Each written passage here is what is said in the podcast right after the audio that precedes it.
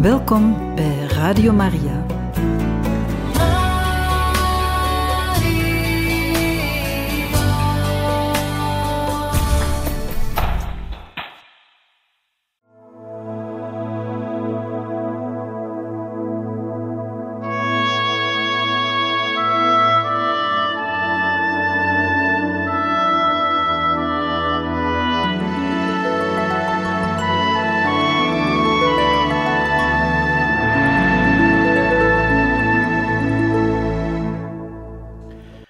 Monsieur Perrier was niet helemaal overtuigd. Of eh, moeder Teresa haar plan uitvoerbaar was. En hij wou dat er nog wat gewacht werd. Eerst wou hij nog twee eminente Jezuïeten om advies vragen: Jan Baptiste Janssens, de generaal van de Sociëteit van Jezus, en Jozef Kreuzen, specialist in zaken kerkelijk recht voor vrouwelijke religieuzen. Voor moeder Teresa was het wachten geduldig wachten tot er een beslissing kwam. Maar Brits-Indië kon niet wachten. Het land hunkerde naar onafhankelijkheid. Tegen de tijd dat Lord Mountbatten werd gestuurd om de overgang naar onafhankelijkheid te bespoedigen, was het geweld in de kolonie onbeheersbaar geworden. De situatie, beste luisteraars, in Indië was toen dat dus Groot-Brittannië het land eigenlijk ja, als een kolonie zag, um, daarbij ook het land bezette, maar steeds meer kwam er toch de roep naar onafhankelijkheid, mogelijkheid om te kunnen groeien naar een eigen bestuur, onder andere door het protest van uh, Mahatma Gandhi, die we natuurlijk ook heel goed kennen en die uh, ook door Paus Franciscus trouwens geciteerd geweest is um, in een boek dat recent is voorgesteld. Het is een, periode die getekend wordt door heel veel uh, politieke onstabiliteit. En men zoekt naar een manier om toch inderdaad uh, Brits-Indië dan de onafhankelijkheid te kunnen geven. In die setting bevindt moeder Teresa zich. In maart 1947 arriveerde de laatste onderkoning met slechts één opdracht van de Britse regering: verlaat Indië. Hij kwam zodoende met meer bevoegdheden dan een van zijn voorgangers. Alia jacta est, de teerling was geworpen, de eenheid van Brits-Indië zou worden doorbroken. Intussen verdiepte Monsieur Perrier zich in die gecompliceerde kwestie van de Loreto-zuster. Zelden sprak hij met de religieuze in kwestie. Hij vertrouwde haar toe dat haar voornemen geheim moest blijven dat ze er zelfs niet mocht over spreken met haar oversten. Moeder du Cenacle, directrice van Loreto and Tally, was een fameuze beschermvrouw van moeder Teresa en gaf haar de kans om haar bijzondere roeping te volgen. Zo had de kleine zuster de toestemming gekregen om een bepaald experiment te proberen. Ze had een twintigtal meisjes uit de slum, Mottegel, genomen, de krottenwijk aan de overkant van de kloostermuur, en trachtte die een aangepaste opvoeding te geven. Na een jaar schoten er maar twee meer over. De sfeer aan zo'n instituut was te ongewoon voor de armen. Al werden ze wel goed onthaald in de veranda door een brave zuster die voor hen zorgde.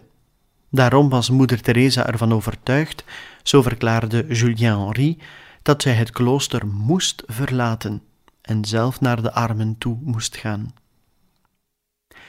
Sommigen beweren dat moeder Theresa's kamer in het klooster uitzicht gaf op de Sloppenwijk, een stadsdeel vol vuil en ellende en waar ziekten de onverzorgde bewoners teisterden. Maar dit is niet juist, want haar kamer in St. Mary's bevond zich aan de andere kant van het gebouwencomplex, van waar men deze sloppenwijken niet zien kon. Het is van op het dak van de school dat de moeder Teresa onafgebroken de sloppenwijken kon zien.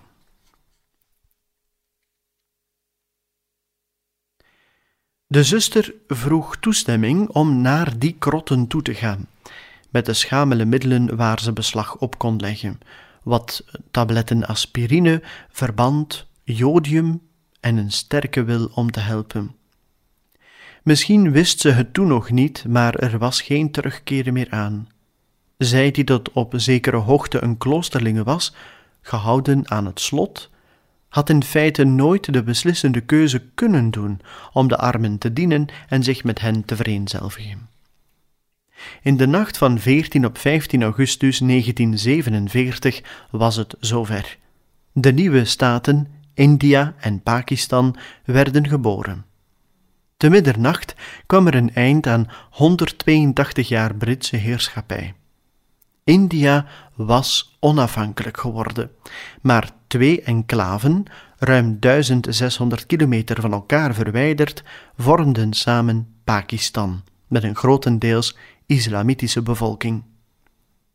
De provincies Punjab en Bengalen werden bij de geografische herverkaveling verdeeld. De vreugde om de totstandkoming van het onafhankelijke India en de creatie van Pakistan, het land der zuiveren, was van korte duur.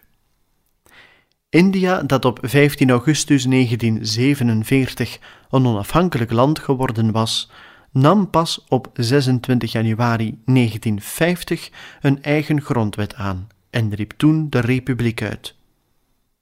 De preambule had duidelijk iets sociaal-democratisch. Ze beloofde alle burgers van het land gerechtigheid, sociaal, economisch en politiek, vrijheid van denken, spreken, geloof en eredienst, en gelijkheid in positie en kansen. De onafhankelijkheid van India was dus een feit. Het door de verdeeldheid vergoten bloed maakte dat het niet alleen een vreugdevolle, maar eigenlijk ook een verdrietige aangelegenheid was. De scheiding bracht de grootste volksverhuizing aller tijden mee. Zes miljoen mensen verlieten hun streek. 1 miljoen verhuisde van Oost-Pakistan naar West-Bengalen. Hindoes en Sikhs vluchtten uit Pakistan naar India. Onderweg hadden moordpartijen plaats. In de steden die ze voor altijd verlieten, plunderden ze elkaars huizen, vrouwen werden verkracht, kinderen werden levend in brand gestoken en godsdienstige leuzen geschreeuwd. De ellende werd zodoende nog erger door die verschrikkelijke bloedbaden die aangericht werden tussen de verschillende bevolkingsgroepen. Al die tragedies verduisterden de dageraad van de onafhankelijkheid. Calcutta werd overspoeld door opeenvolgende golven van vluchtelingen uit Oost-Pakistan, zodat uiteindelijk geen plaats in de grootstad ongebruikt was gebleven. Her en der ontstonden er zogenaamde shantytowns, sloppenwijken. In hoeverre deze verschrikkelijke gebeurtenissen tot het klooster van Loreto binnendrongen, is nog de vraag. Maar we mogen aannemen dat moeder Teresa van die schrijnende toestand wel op de hoogte was. Zij was in elk geval op de hoogte van de armoede in de stad. Veel van haar leerlingen behoorden tot arme gezinnen, en door de activiteiten van het legioen van Maria had ze zelfs nog armere gezinnen leren kennen. Er waren zelfs hindoe- en moslimvrouwen die zich bij dat godvruchtige genootschap, dat men ook sodaliteit noemde, aansloten en de sociale cursussen volgden. Ze verlangden om te helpen. Dat was in 1947, het jaar waarin India onafhankelijk werd. Moeder Teresa had men voor een zekere periode naar Asansol gestuurd, maar het duurde niet lang eer men haar naar Lorito en Tali terug liet komen, om een crisis in de school, waar zij in feite nog altijd directrice was, te bedwingen. Er was immers enige onrust ontstaan in de school. Wat was er aan de hand? Ter gelegenheid van India's onafhankelijkheid stond de regering een vakantie van acht dagen toe aan alle scholen in Calcutta. Maar toen de Bengaalse meisjes van Antali naar hun verlof vroegen, zei eerwaarde moeder Overste hen dat ze met half oogst, feest van Maria Hemelvaart, al hun vakantie hadden. Omdat dit op een weigering neerkwam, waren de meisjes woedend, zodat ze in staking gingen. De misnoegde leerlingen wenden zich tot pater Emile Roeland, pastoor van de Sint-Teresa-parochie, ten einde zijn hulp en raad te vragen. Roeland, voormalig rector van het St. Xavier's College was een man met gezag, die de gemoederen kon bedaren. Maar omdat zijn kennis van het Bengali niet verder reikte dan Namaskar en Yesopranam, deed hij een beroep op zijn confraters, de Kroaat Jozef Vizak en pater Lazarus, een Tamil, om als tolken op te treden. Roeland luisterde geduldig naar wat de meisjes te zeggen hadden en kwam vervolgens tot de conclusie dat zij het bij het rechte eind hadden, want het ging toch om hun nieuwe land. De boze schooldirectrice spoedde zich naar Park Street en zowel door aartsbisschop Perrier als door Louis Schillebeeks, de reguliere missieoverste, werden strenge maatregelen genomen. De rebellen dienden van elkaar gescheiden te worden en Pater Roeland werd verplaatst naar Asansol. Vijak werd benoemd in Krishnagandapur in Orissa op 400 kilometer van Calcutta. Pater Lazarus mocht optrekken naar Ragbapur in de 24 Parganas. En voor wat de opstandige leerlingen betreft, vroeg Perrier aan de Loreto-zusters dat moeder Teresa zou teruggeroepen worden, daar de school zich in een crisis bevond en er een zekere spanning was tussen de leraressen en de leerlingen. De schooldirectie slaagde er niet in om het dispuut onder de meisjes te doen stoppen. Moeder Teresa keerde inmiddels naar Entali terug. Nauwelijks aangekomen riep zij de verantwoordelijken van de leerlingen bij zich en het kostte de invloedrijke zuster niettemin een half uurtje om de gemoederen te bedaren en de onrust te doen wijken. De zuster drong er bij de meisjes op aan om het gezond verstand te doen zegevieren, en haar raad werd opgevolgd. Moeder Teresa was een echte magneet voor hen. Dat was een sterke troef die zij in handen had, ten einde haar verlangen om een nieuwe congregatie te stichten waar te maken. De religieuze oversten probeerden te ontdekken of haar roeping voor een bijzonder werk geen illusie was, maar een waarachtige kans op slagen had. Rome stond over het algemeen niet zo gunstig tegenover een toename van het aantal vrouwelijke congregaties, want er waren er eigenlijk al heel veel. Het Vaticaan was dus eerder weigerachtig. Een bisschop die akkoord ging met de stichting van een nieuw religieus instituut in zijn bisdom, moest kunnen aantonen dat geen enkele van de bestaande congregaties het bijzondere werk kon doen waarvoor de nieuwe congregatie bedoeld was. Rome gaf er de voorkeur aan om het geestelijke leven van de reeds bestaande congregaties te verdiepen, omdat ze beter hun taak zouden kunnen behartigen.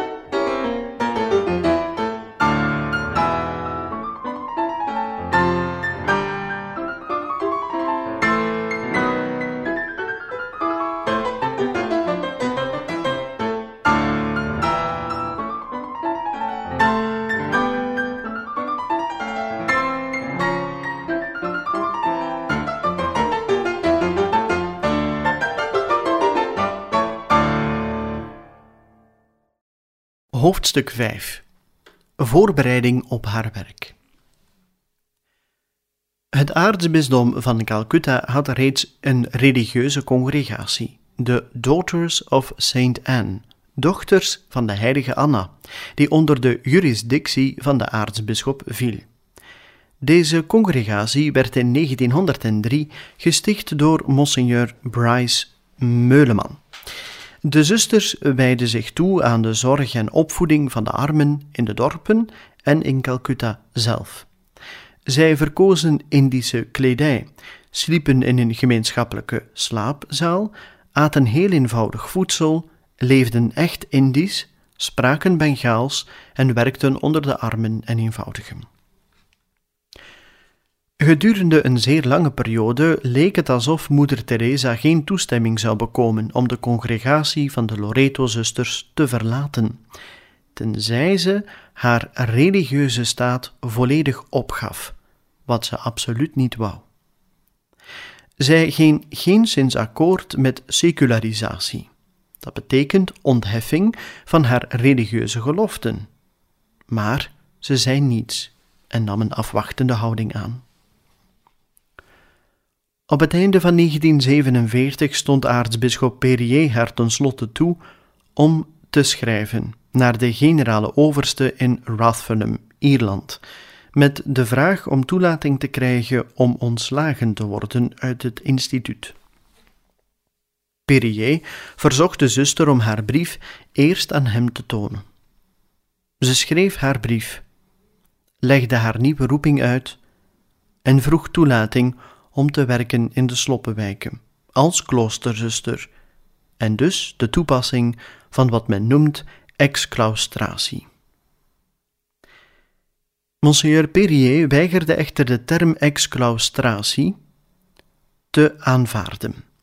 Daarbij gaat het dus, een duidelijk onderscheid moeten we maken, beste luisteraars, tussen exclaustratie en secularisatie.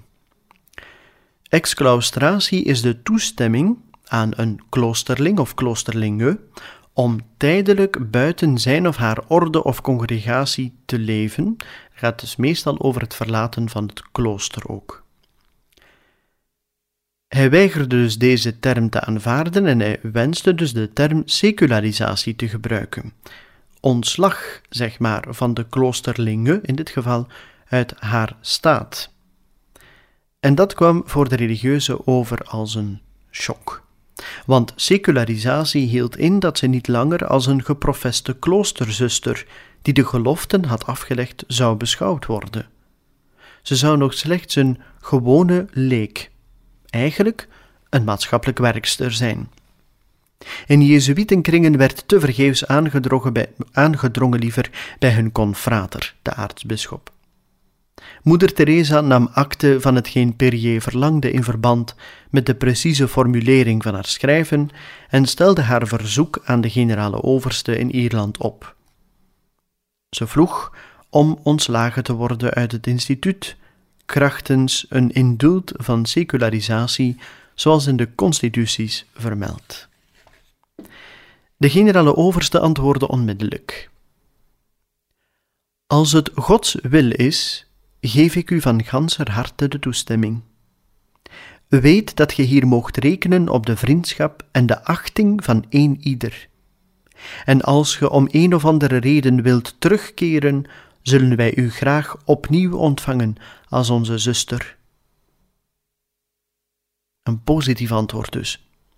Maar op het einde voegde, voegde zuster Mary Gertrude er nog aan toe dat ze betreffende deze aangelegenheid zich naar Rome mocht richten.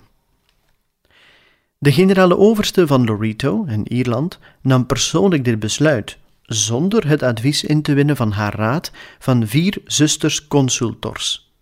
En zij raadde Maria Theresa, dus moeder Teresa, aan exclaustratie te vragen en niet secularisatie. Dus om ervoor te kunnen zorgen dat moeder, dat moeder Teresa toch zuster zou blijven.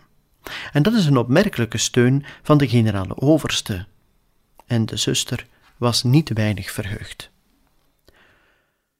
Om van de Heilige Stoel toestemming te bekomen om een nieuwe religieuze congregatie te stichten, was het noodzakelijk dat de plaatselijke bisschop de kwestie klaar en duidelijk uiteenzette en dat zijn aanbevelingen vergezeld waren van overtuigende argumenten.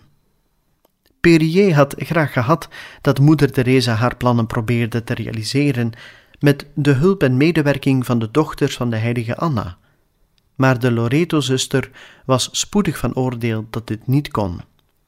Die zusters hadden hun traditie, hun eigen activiteiten en hun eigen manier van werken.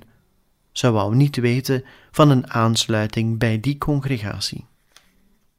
Toen weigerde de aartsbisschop om haar verzoek naar Rome te sturen, omdat ze ontslagen zou worden van het gemeenschapsleven in een klooster en zo de mogelijkheid zou hebben om te werken te midden van de armen, zonder gecontroleerd te worden door haar oversten, maar slechts onder het gezag van de bisschop. Het was dus duidelijk dat ze niet voldeed aan de nodige voorwaarden.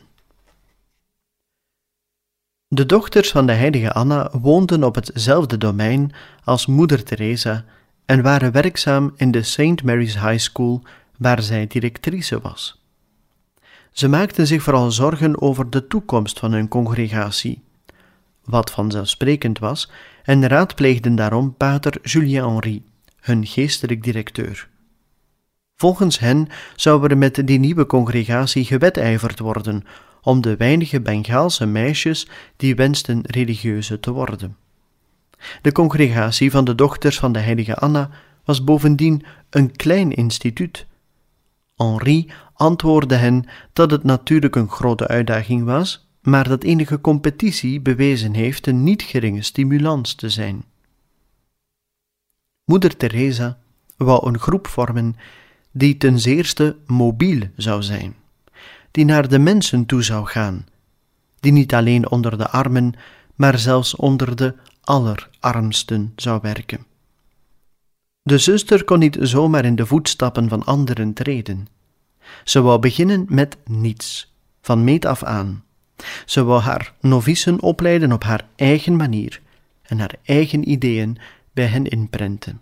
De toekomst zou aantonen dat ze het bij het rechte eind had. Het nam enige tijd in beslag en het vergde veel discussie en gebed, vooraleer de aartsbisschop bereid was om aan Rome de toelating te vragen om te mogen starten met een nieuwe vrouwelijke congregatie. Het is eigenlijk op dat moment, toen ze op niemands hulp kon rekenen, dat moeder Teresa op eigen initiatief besloot de stap te zetten. Ze was er zich van bewust dat ze dus van niets zou moeten starten. Minstens tien novicen zouden haar moeten vervoegen en er diende een regel te worden opgesteld die ter goedkeuring naar Rome zou moeten worden gestuurd.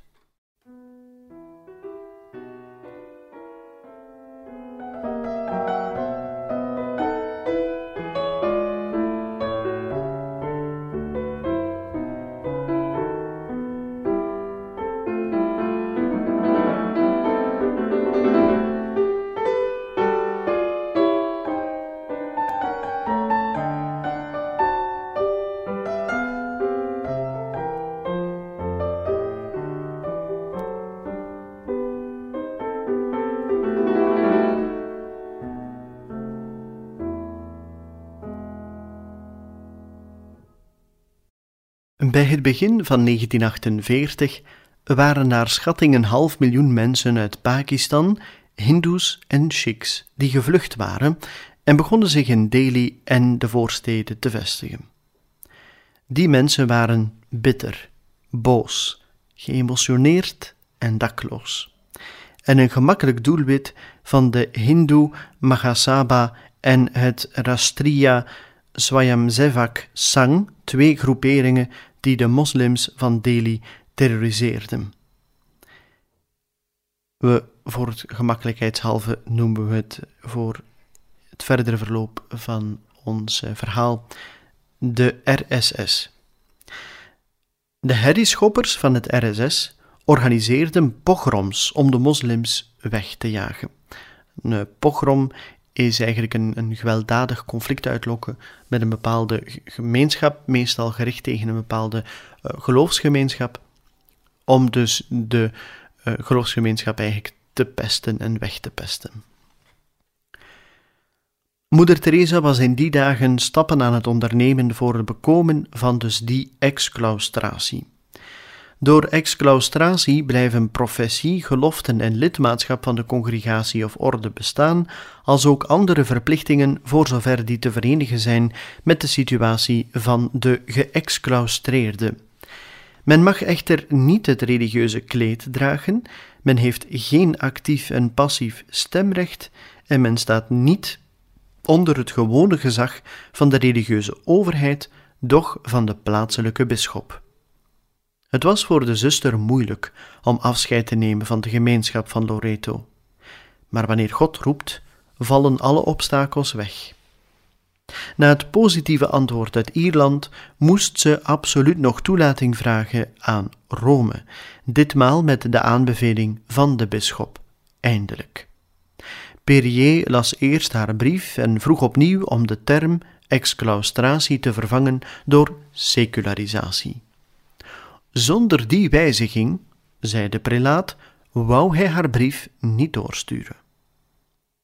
Maar aan Van Exem liet hij dan weten dat ze, vermits ze van haar generale overste naar Rome mocht schrijven, vrij was te doen wat ze wou. En bij gevolg mocht ze, indien ze dit echt wenste, exclaustratie vragen. In haar verzoek benadrukte moeder Teresa haar eerste motief. God nodigt mij uit om alles te verlaten en me op Hem te verlaten door het dienen van de armsten onder de armen in de ellendigste wijken van de stad. Aartsbisschop Perier stuurde haar brief met eigen opmerkingen erbij gevoegd. Op 2 februari 1948 vanuit Calcutta, via de apostolische delegatie in Delhi, naar de heilige congregatie der religieuzen te Rome.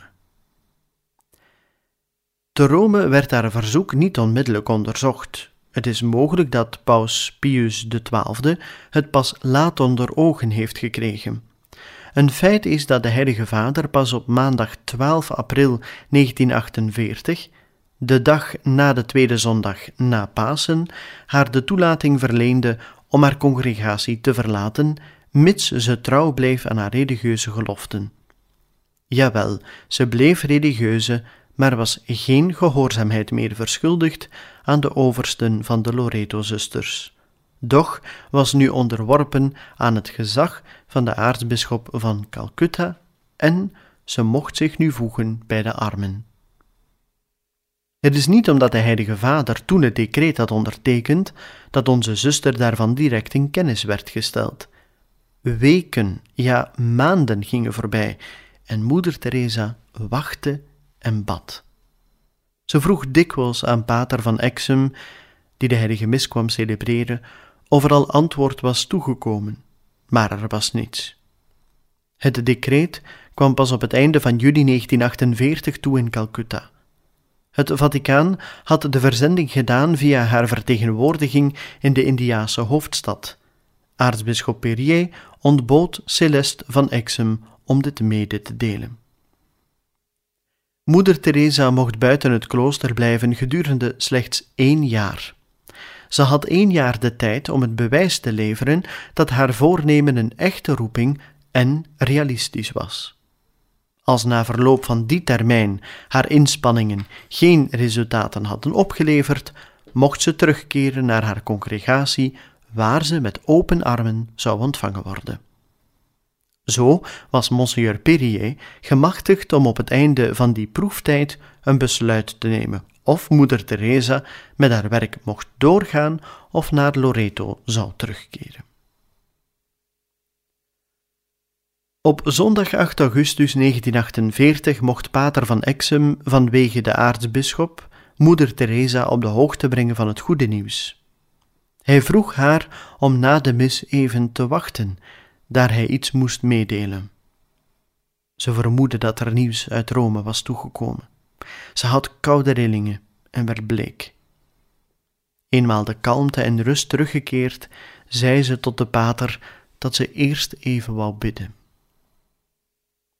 Ze mocht in de sloppenwijken gaan werken. Van Exum zorgde ervoor dat de formaliteiten in orde werden gebracht, zodat de ook door moeder Teresa ondertekende documenten konden terugbezorgd worden aan het Vaticaan en het aartsbisdom Calcutta. De zuster mocht een afschrift van het decreet voor zichzelf houden. Het nieuws ging als een lopend vuurtje door de stad. Het was het gespreksonderwerp in Entelli, maar ook onder de missionarissen in Calcutta. Voor de Loreto-zusters was het een complete verrassing, vermits de zaak er nooit ter sprake was gekomen. Men had er pas weet van toen moeder Teresa er wegging. U herinnert zich dat de aartsbisschop had gevraagd aan moeder Teresa om in alle talen te zwijgen over haar initiatief. Toen de leerlingen op school hoorden dat moeder Teresa wegging, waren ze allen in de war.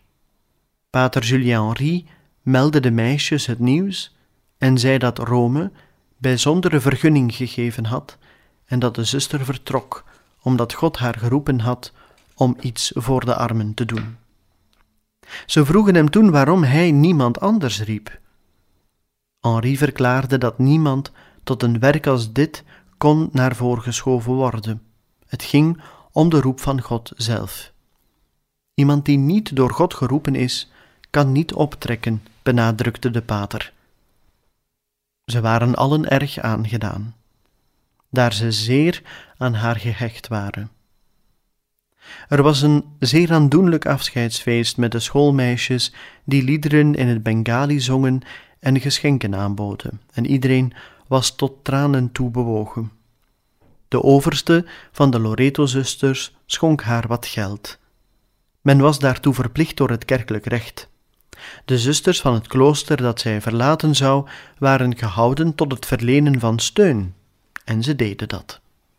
De oversten van Loreto zouden moeder Teresa verschillende jaren na één met grote bezorgdheid en hulpvaardigheid volgen en bijstaan.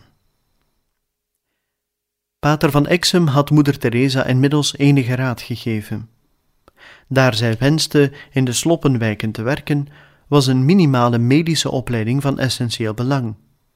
Een vormingsprogramma was wenselijk in die overgangsperiode van haar leven en een voorafgaande bezinningsperiode was evenzeer aanbevelenswaardig. Moeder Teresa was het daarmee volkomen eens. Van Exum schreef naar de Medical Mission Sisters, de medische missiezusters in Patna, Bihar, met de vraag of zij er op stage mocht komen. Er werd direct geantwoord dat zij er welkom was.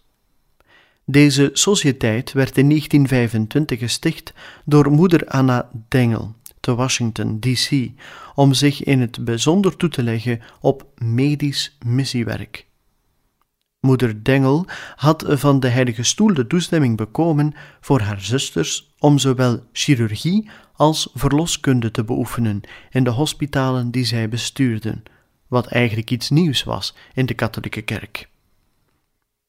Enkele dagen voor moeder Teresa naar Patna zou vertrekken, had ze haar nieuwe uniform klaar en ze ging ermee naar de sacristie van de kloosterkapel om pater van Exum te vragen de kledij die ze voortaan wenste te dragen te willen zegenen.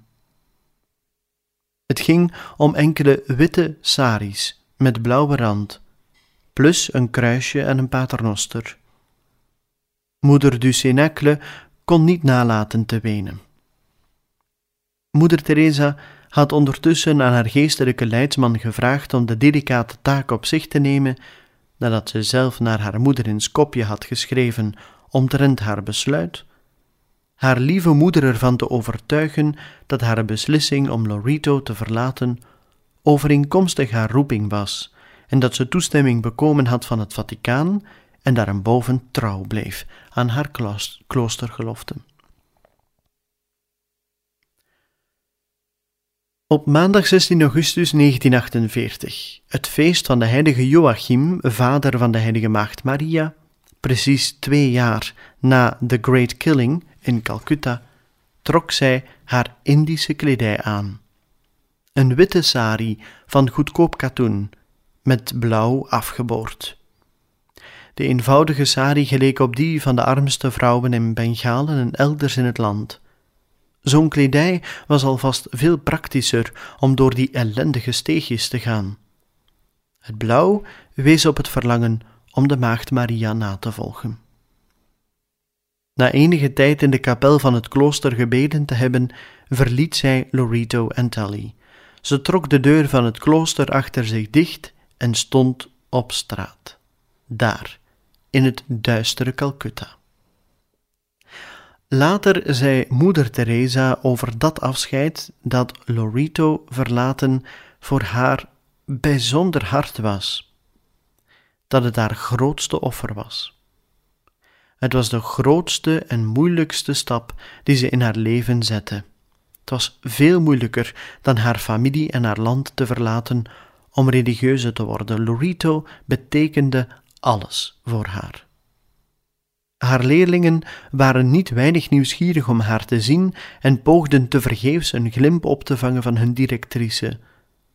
Maar het was reeds behoorlijk donker toen zij het klooster te Entali verliet. De Bengali Teresa begon in de geest van haar geliefde heilige, Theresia van het Kind Jezus, aan haar eigen kleine weg. Een leven van nederigheid, overtuigd van haar eigen nietigheid en kleinheid, grenzeloos vertrouwend op God en vooral met een belangeloze liefde tot Jezus.